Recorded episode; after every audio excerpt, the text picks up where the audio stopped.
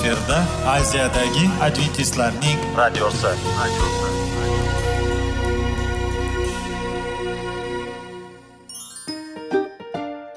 Assalomu alaykum aziz radio tinglovchilar. Sog'liq daqiqasi rubrikasiga xush kelibsiz. Zero tananing sog'lom bo'lishi va uning kasalliklardan saqlash har bir insonning burchi hisoblanadi. Inson uchun bebaho boylik bu sog'liq salomatlikdir. Uni asrash esa har birimizga omonat qilib berilgan. Shuning uchun ham inson o'z sog'lig'ini ehtiyot qilishi voajib amallardan hisoblanadi. Dono xalqimiz sog'liq tuman boylik deb bejiz aytmagan. Aql idroq sohibi bo'lgan inson o'z hayotini qadrlashi lozim bo'ladi. Hozirgi kunda qanchalik dori darmonlar ko'paymasin tibbiy muassa sifati shifokorlar vasiyasi tibbiy texnika yaxshilanmasin. Agar insonning o'z salomatligi haqida qayg'urmasa kutilgan natijaga erishib bo'lmaydi va biz sizlarga bizning dasturimizga xush kelibsiz deymiz.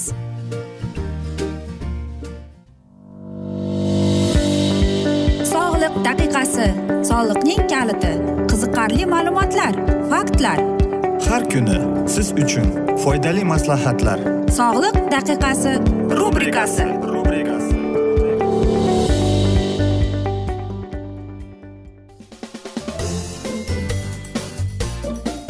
assalomu alaykum aziz radio tinglovchilar. Dasturimizga xush kelibsiz va biz sizlar bilan tana va sog'liq degan dasturda xushvaqt bo'ling deb aytamiz. Va bugungi bizning dasturimizning mavzusi alsgeymer kasalligi deb nomlanadi. Va bugungi dasturda biz sizlarga u qanday rivojlanadi buning sabablari nima haqida ma mana shunday ma'lumot berib o'tib ketmoqchimiz. Xotira. Inson umrining tilla sandig'i hisoblanadi. Unda baxtga to'la lahzalar quvonchi shodliklar hayot davomida qilingan ishlar kundalik rejalar eng muhimi ortga qaramay kelayotgan vaqt va undagi go'zal xotiralar mujassam. Yoddan chiqarish unutish eslay olmaslik kabi noxush hodisalar kishi umrini uzaygani sayin yosh etadigan mahramlab qoladi.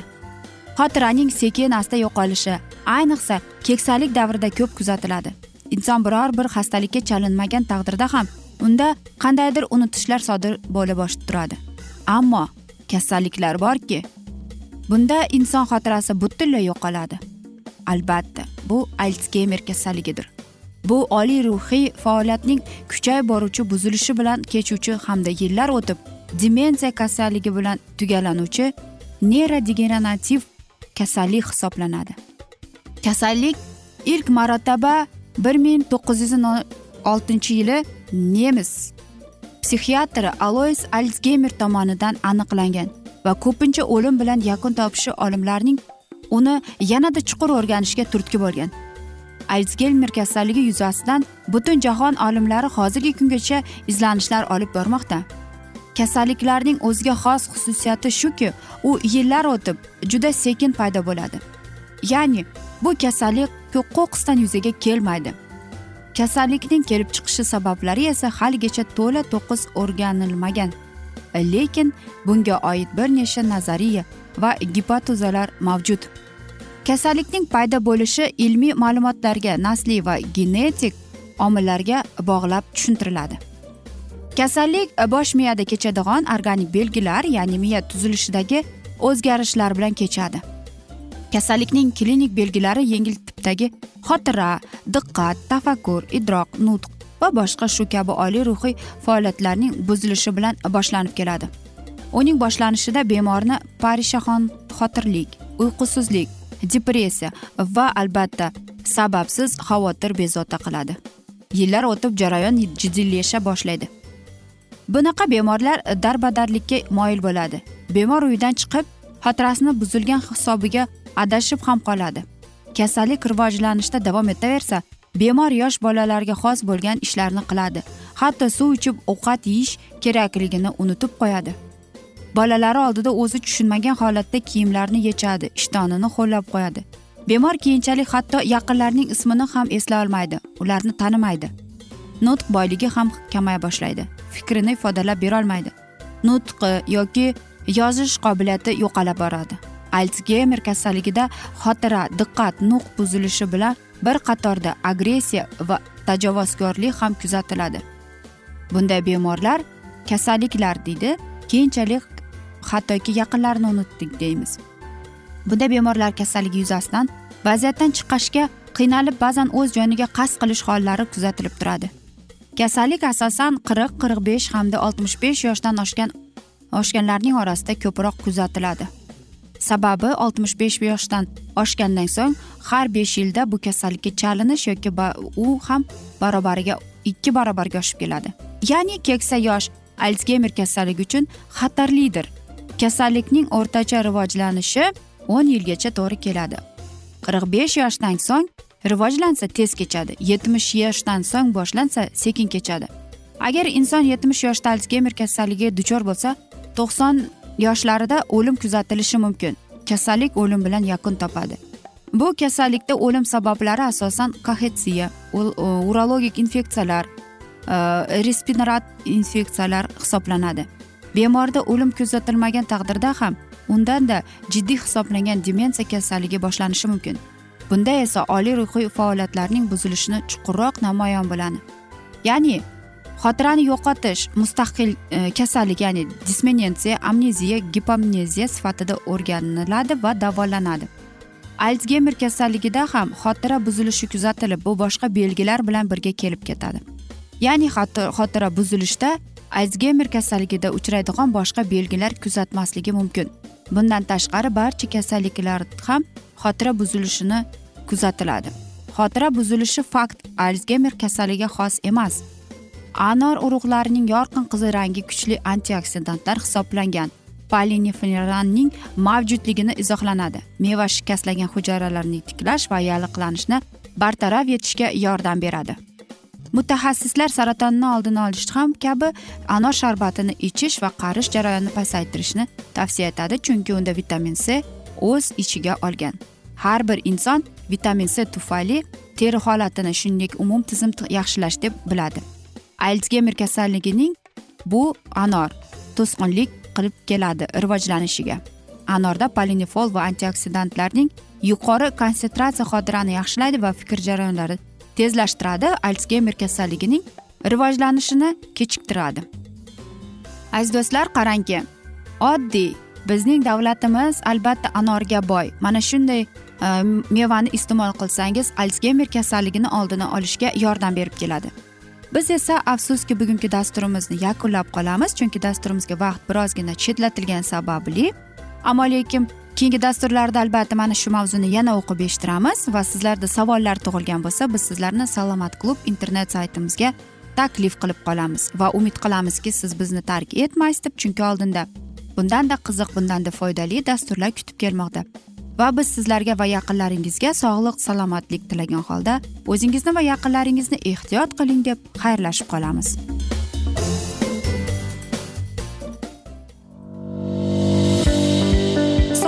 Daqiqasi soliqning kaliti qiziqarli ma'lumotlar faktlar. Har kuni siz uchun foydali maslahatlar. Sog'liq daqiqasi rubrikasi.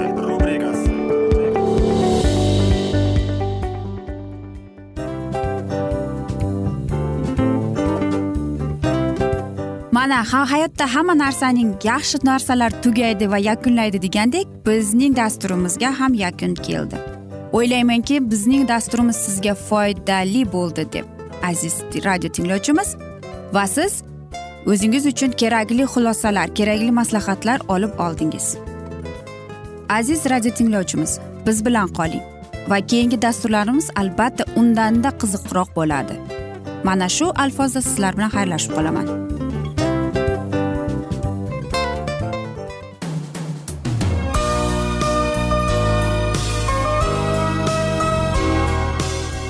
Efirda aziyadagi adventistlarning radiosi.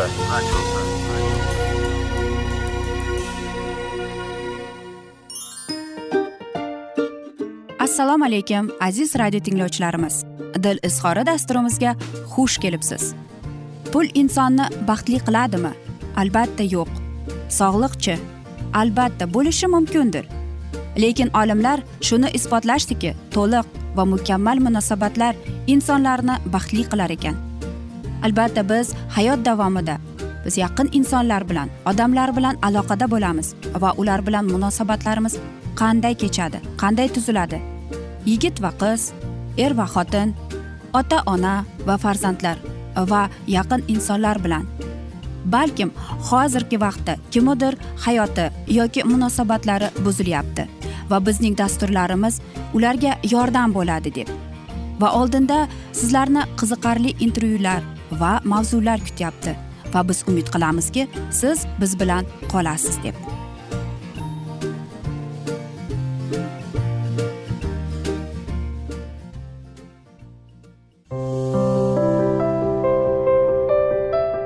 Har kuni har xil kasbdagi odamlar bilan sirlashish va bo'lishish sevgi rashq munosabat. Bularni hammasi dil izhori rubrikasida.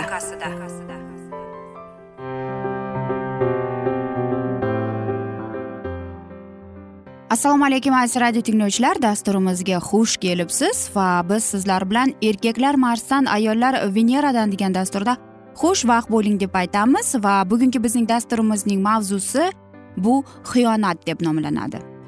Keling birinchida biz xiyonat rasman ruxsat berilishi haqida bir daqiqa tasavvur qilaylik. Keling tasavvur qilaylik. Xiyonat umuman rasmiy ruxsat berildi. Va mana shu yerda nima bo'ladi? Bunday munosabatda qanday o'zingizni tutardingiz? Yoki to'ydan oldin nimani his qilardingiz? Aytamizki albatta boshqalar e, bir xil savolga salbiy munosabatda bo'lishadi va bir vaqtning o'zida yoqimsiz narsalarni his qilishadi. Chunki ular hech qanday o'zgarish bo'lmasligi kerak deb hisoblashadi deb aytasiz. Agar qanday munosabatda bo'lardingiz va to'ydan oldin nimani his qilardingiz? Har qanday e, siz xohlagan vaqtda qancha xohlasalar va kim bilan xohlasalar ular o'zgarishni aytishadi. Ba'zilar ha marhamat deb e, o'zlari qiladilar ammo keyin yana bir savol bor. Uylanishdan nima foyda unda? Nima uchun unda uylanish kerak?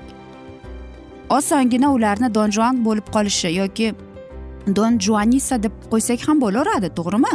Agar xiyonatni e, rasmiy ruxsat berilsa. Lekin xiyonat qaysi turlarga bo'linadi? Qaysi biri deb aytamiz? Tanami yoki ma'naviymi?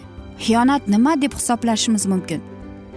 Xiyonat bu sodiqlik sadoqatning buzilishi ya'ni his tuyg'ularda munosabatlarda qat'iylik va o'zgarmaslikdir.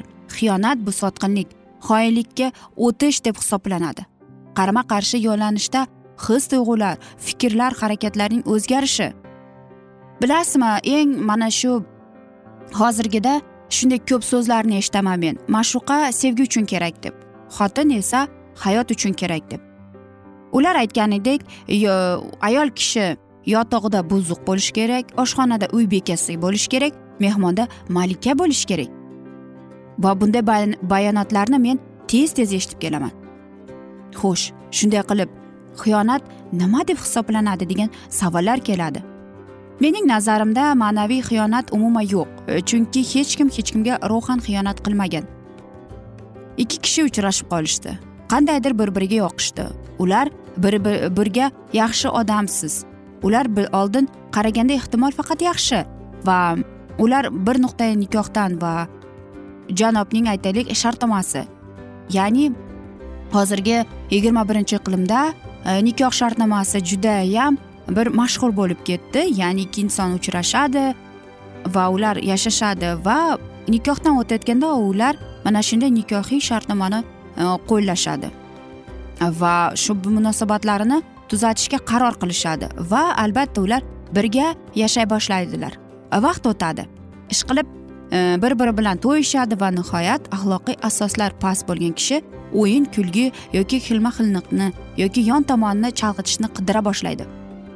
Va albatta u topadi ham. Bunday holatni ruhiy xiyonat deb hisoblash mumkinmi? Ehtimol bu odamlar ma'naviy jihatdan yaqin emas edi. Albatta uchrashib yurganimizda umuman boshqacha narsalar bo'ladi. Yoki biz uchrashib yurganimizda o'zimizning salbiy tomonlarimizni Э, o'sha turmush o'rtog'imizga ko'rsatmaymiz ham va qarangki shunga qaramay odamni xiyonat qilishga nima undaydi degan savollar kelib chiqadi. Э, va qanday qilib biz xiyonat umuman xiyonatni bizga nima chorlaydi? Oilamiz buzilib ketdimi? Yoki biz turmush o'rtog'imizga sovib qoldikmi? Lekin shuni unutmaslik kerakki xiyonatning oqibatlaridan tashqari Mm, ehtimol unga ham yoqimsiz. Inson odamlarga ishonib sevgiga ishonishdan to'xtaydi. Eng e, xiyonatning oqibatlari shundan. Va mana shu mana shu joyda siz savol berasiz. Xo'sh xiyonatning mohiyati nimada? Xiyonat bu xoinlik. Xiyonat bu azobli og'riq. Hech bir aqlli bir inson xiyonatni indamay qabul qilmaydi. Goh u do'st bo'lsin goh turmush o'rtoq xiyonat qilgan bo'lsin. Xiyonat bu sotqinlik. Xoinlik esa yurakka beriladi. Har doim har qanday insonning hayotida o'chmas iz qoldiradi. Lekin odam ham aybdor unga xiyonat qilganiga. Chunki men e, sherikning ham o'zining ham zimmasidagi salbiy ko'rinishlarga e'tibor bermaganman deydi. Boshqacha qilib aytganda sevgi yo'qligiga e'tibor bermadim deydi. Yaxshi qabul qiluvchi va kuzatuvchi odam boshqa birovning energiyasini aralashuvini his qilishi mumkin. Kimdir faqat o'z e, kuygan bo'lsa ham yana bir narsa borki bu eng yoqimsiz aldash haqida bilishning yo'li. Barcha tafsilotlar va tafsilotlarda tushda bo'ladi va bu yaqin masofa bu ham sodir bo'ladi. Bir yo'l yoki boshqa lekin o'zgarish haqida ma'lumot o'zgaradi shaxsga yetadi. O'zgarish yashirin bo'lish emas. Kamida juda uzoq vaqt davomida inson o'zgaradi. Ya'ni qarangki bir inson boshqa insonga xiyonat qildi. Buning farqi yo'q u sizning do'stingizmi? Turmush o'rtog'ingizmi? Buning umuman daxli yo'q. U xiyonat u sotqinlik chunki siz o'sha inson bilan siz o'zingizni sirlaringiz bilan o'zingizning his tuyg'ularingiz bilan u bilan bo'lishdingiz. U esa sizga xiyonat qildi. Va mana yuqorida aytib o'tgandek xiyonatning izi judayam katta va chuqur. Uni tuzatish uchun ko'plab yillar kerak bo'ladi. O'sha inson yana qayta boshqa insonlarga ishonish uchun unda insonlarga bo'lgan sevgiga bo'lgan sevgini ishontirish. Aziz do'stlar shuning uchun hamma narsaning ham narxi bor deyiladi. Yaxshilab o'ylanib ko'rish kerak. Ekan aziz do'stlar mana shunday asnoda biz afsuski bugungi dasturimizni yakunlab qolamiz chunki dasturimizga vaqt birozgina chetlatilgani sababli. Lekin keyingi dasturlarda albatta mana shu mavzuni yana o'qib eshittiramiz. Va biz umid qilamizki siz bizni tark etmaysiz deb chunki oldinda bundanda qiziq bundanda foydali dasturlar kutib kelmoqda. Va albatta biz sizlarga va oilangizga tinchlik totuvlik tilab baxt tilagan holda yuzingizdan tabassum hech ham ayrimasin deb seving seviling deb xayrlashib qolamiz.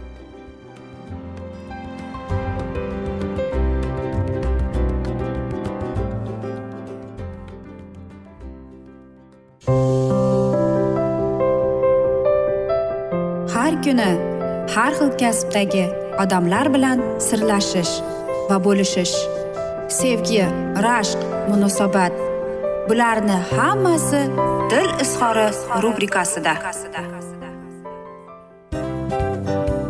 Mana aziz radio tinglovchimiz bizning go'zal va foydali va chiroyli dasturimiz yakunlanib bormoqda. Sizlarga birozgina maslahat berib o'tmoqchi edik.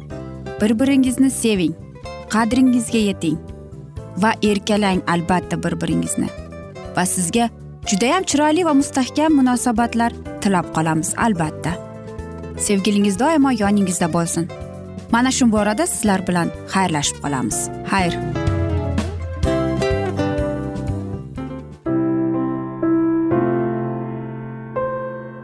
Hayotning noni. Qiziqtirgan savollar va javoblar. Buning hammasi ko'ngil uchun oziqa rubrikasida.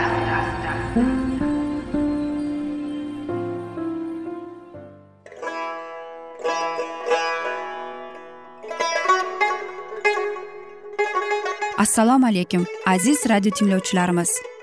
Ko'ngil uchun oziqa rubrikasida xush kelibsiz deymiz. Siz haqiqatni izlayapsizmi? Olamnimi? Umidnimi? Siz kimga murojaat qilmoqchisiz? Odamlar ko'pincha siyosat kuchiga tayanadilar. Dunyo iqtisodiyoti holati tobora chuqurlashib bormoqda. Tabiiy ofatlar va texnogen halokatlar minglab insonlarning hayotini olib ketib juda katta zarar yetkazmoqda. Sizga abadiy hayot inomini hadya qiluvchi va hayotingizni tubdan o'zgartiruvchi haqiqatni izlab toping. Xudo haqidagi haqiqat uning kalomida mujassamlashgan. Kimki bu haqiqatni butun qalbi bilan izlasa albatta unga yetishadi. Bu sevgi xudoning tarixidir. Hayotingizda yoki sizning yon atrofingizdagi olamda nimalar yuz berishidan qat'iy nazar? Siz ertagi kunga buyuk umid va ishonch hosil qilishingiz mumkin. Hozirda xudo sizga taklif qilayotgan umid ishonchga o'z qalbingizni oching va sizni qiziqtirayotgan mavzularni savollaringizga javoblaringizni topib olasiz deb umid qilamiz. Biz bilan qoling.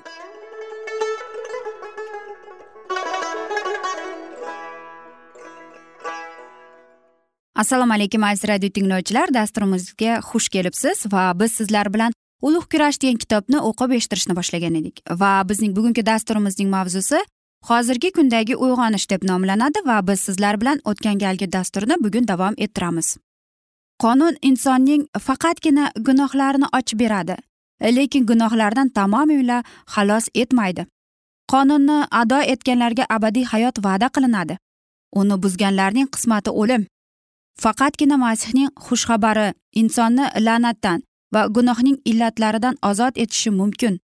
Gunohkor xudoning qonunini buzganligi uchun uning oldida tavba qilishi hamda masihga va uning yarashtiruvchi qurbonligiga ishonishni darkor shu yo'l bilan u gunohlaridan forig' bo'ladi va ilohiy borliq ishtirokchisi bo'lib qoladi.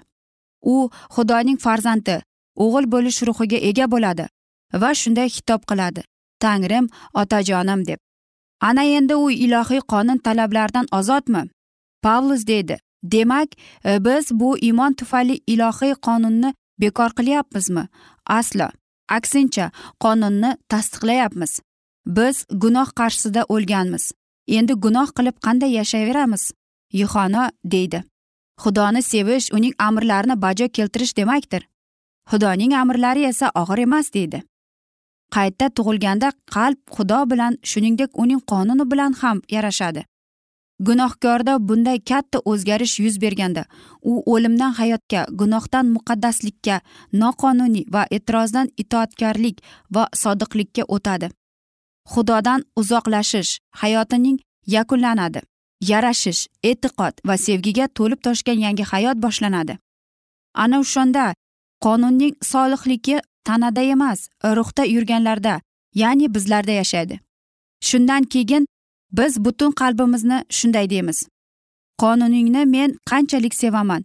Kun bo'yi u fikr xayolimda mening. Xudovand qonunni mukammaldir. U jonga jon kiritadi. Qonunsiz odamlar xudoning pokligi va muqaddasligi shuningdek o'zining gunohkorligini va nopokligi haqida to'g'ri tasavvurga ega bo'la olmaydilar. Ular o'zlarining gunohlarini anglamaydilar va tavba qilishga ehtiyoj sezmaydilar. Xudo qonunini buzgan odamlar halokatli holatda ekanliklarini ko'rmaydilar.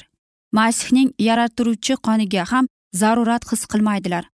Qutqarilishga bo'lgan ishonch ularning qalblarini yangilamaydi hamda ularning hayotlarini ham o'zgartirmaydi. Ana shunday yuzaki iymonga kelish ommaviy va oddiy hodisaga aylanib qoldi. Masih bilan muloqotda bo'lmagan ko'pchilik odamlar ko'r ko'rona jamoatga qo'shilib olardilar. Oqlanishning soxta nazariyalari natijasida xudo qonunni inkor etish yoki pisand qilmaslik holati ham hozirgi kundagi diniy harakatlarda muhim o'rin egallaydi.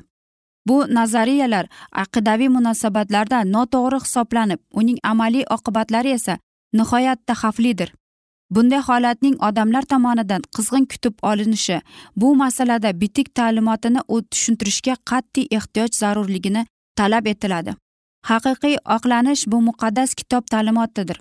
Havoriy pavlus o'zining saloniklarda maktubida shunday yozgan.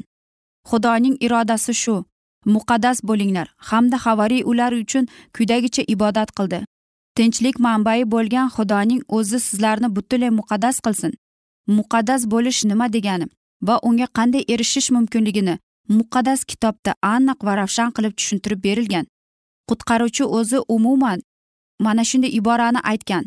Ularni haqiqatning bilan muqaddas qilgin. Sening kaloming haqiqatdir deb. Barcha imoniylar muqaddas ruh orqali muqaddas bo'lishlari kerakligini havariy pavlus aytgan ekan. Muqaddas ruhning xizmati nimadan iborat? Iso o'z shogirdlariga shunday degan. Muqaddas haqiqat ruhi kelgach u sizlarni butun haqiqat yo'liga boshlaydilar. Zaburchi deydi qonun haqiqatdir deb. Xudoning kalomi va ruhi tufayli odamlarga uning qonunida namoyon etilgan soliqlikning buyuk qonun qoidalari ochib beriladi. Xudoning qonuni muqaddas odil va yaxshi bo'lib ilohiy mukammallikni aks ettirgani uchun mana shu qonunga itoat etish asosida shakllangan. Fe'l atrof ham muqaddas bo'ladi. Masih mana shunday fe'l atrofning yakkol namunasidir. Masih deydi men otamning amrlariga amal qilib uning muhabbatiga sodiq qolganman. Men har doim otamga ma'qul bo'lgan ishlarni qilaman. Masihning izdoshlari undan o'rnak olishlari darkor. Ular xudoning marhamati tufayli uning muqaddas qonuni talablariga binoan o'z fe'l atroflarini shunga monat tarzda shakllantirlari kerak. Mana shu muqaddas kitob bo'yicha muqaddasdir. Bu esa faqatgina masihga bo'lgan ishonch bizning vujudimizda yashayotgan ilohiy ruh kuchi tufayli amalga oshishi mumkin. Pavlus imonlilarni shunga da'vat etadi. Qo'rquv va titroq bilan topgan najotingizni but qilishga tirishinglar. Zotan xudoning o'zi sizlarning vujudingizga amal qiladi. U o'z murod maqsadini ado etishi uchun sizlarda xohishni ham harakatni ham tug'diradi.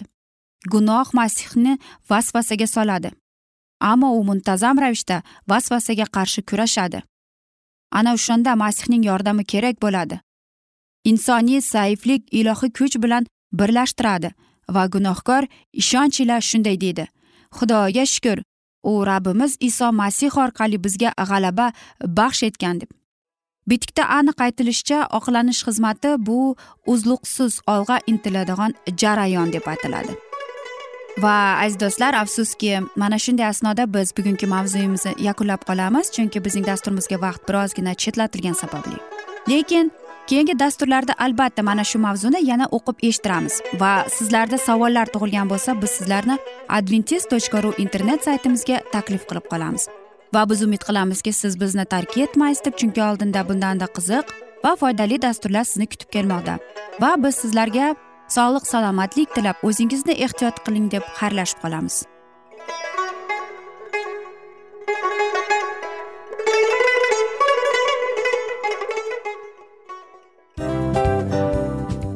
Aziz radio tinglovchimiz hamma yaxshi narsaning yakuni bo'ladi degandek bizning ham dasturlarimiz yakunlanib qolmoqda. Aziz do'stlar o'ylaymanki bizning dasturlarimiz sizlar uchun judayam foydali bo'ldi deb bizning dasturlarimizdan siz o'zingizga foydali va judayam kerakli maslahatlar oldingiz deb. Masalan sog'liq borasida. Biz sizlarga sog'liq tilaymiz albatta lekin bizning maslahatlarimizga ham amal qilishga unutmang. Munosabatlarga kelganda bu munosabatlar chuqur va yaxshi bo'lishi uchun uni ustidan ishlash kerak albatta. Diniy masalaga kelsak aziz do'stlar bu judayam jiddiy va chuqur nazarni talab qiladi. Ammo biz sizlar bilan xayrlashib qolmaymiz keyingi dasturlarda eshittirishimizni davom ettiramiz va sizlar bilan mana shu yaxshi kayfiyatda xayrlashib qolamiz. Va keyingi dasturlarda ko'rishguncha xayr!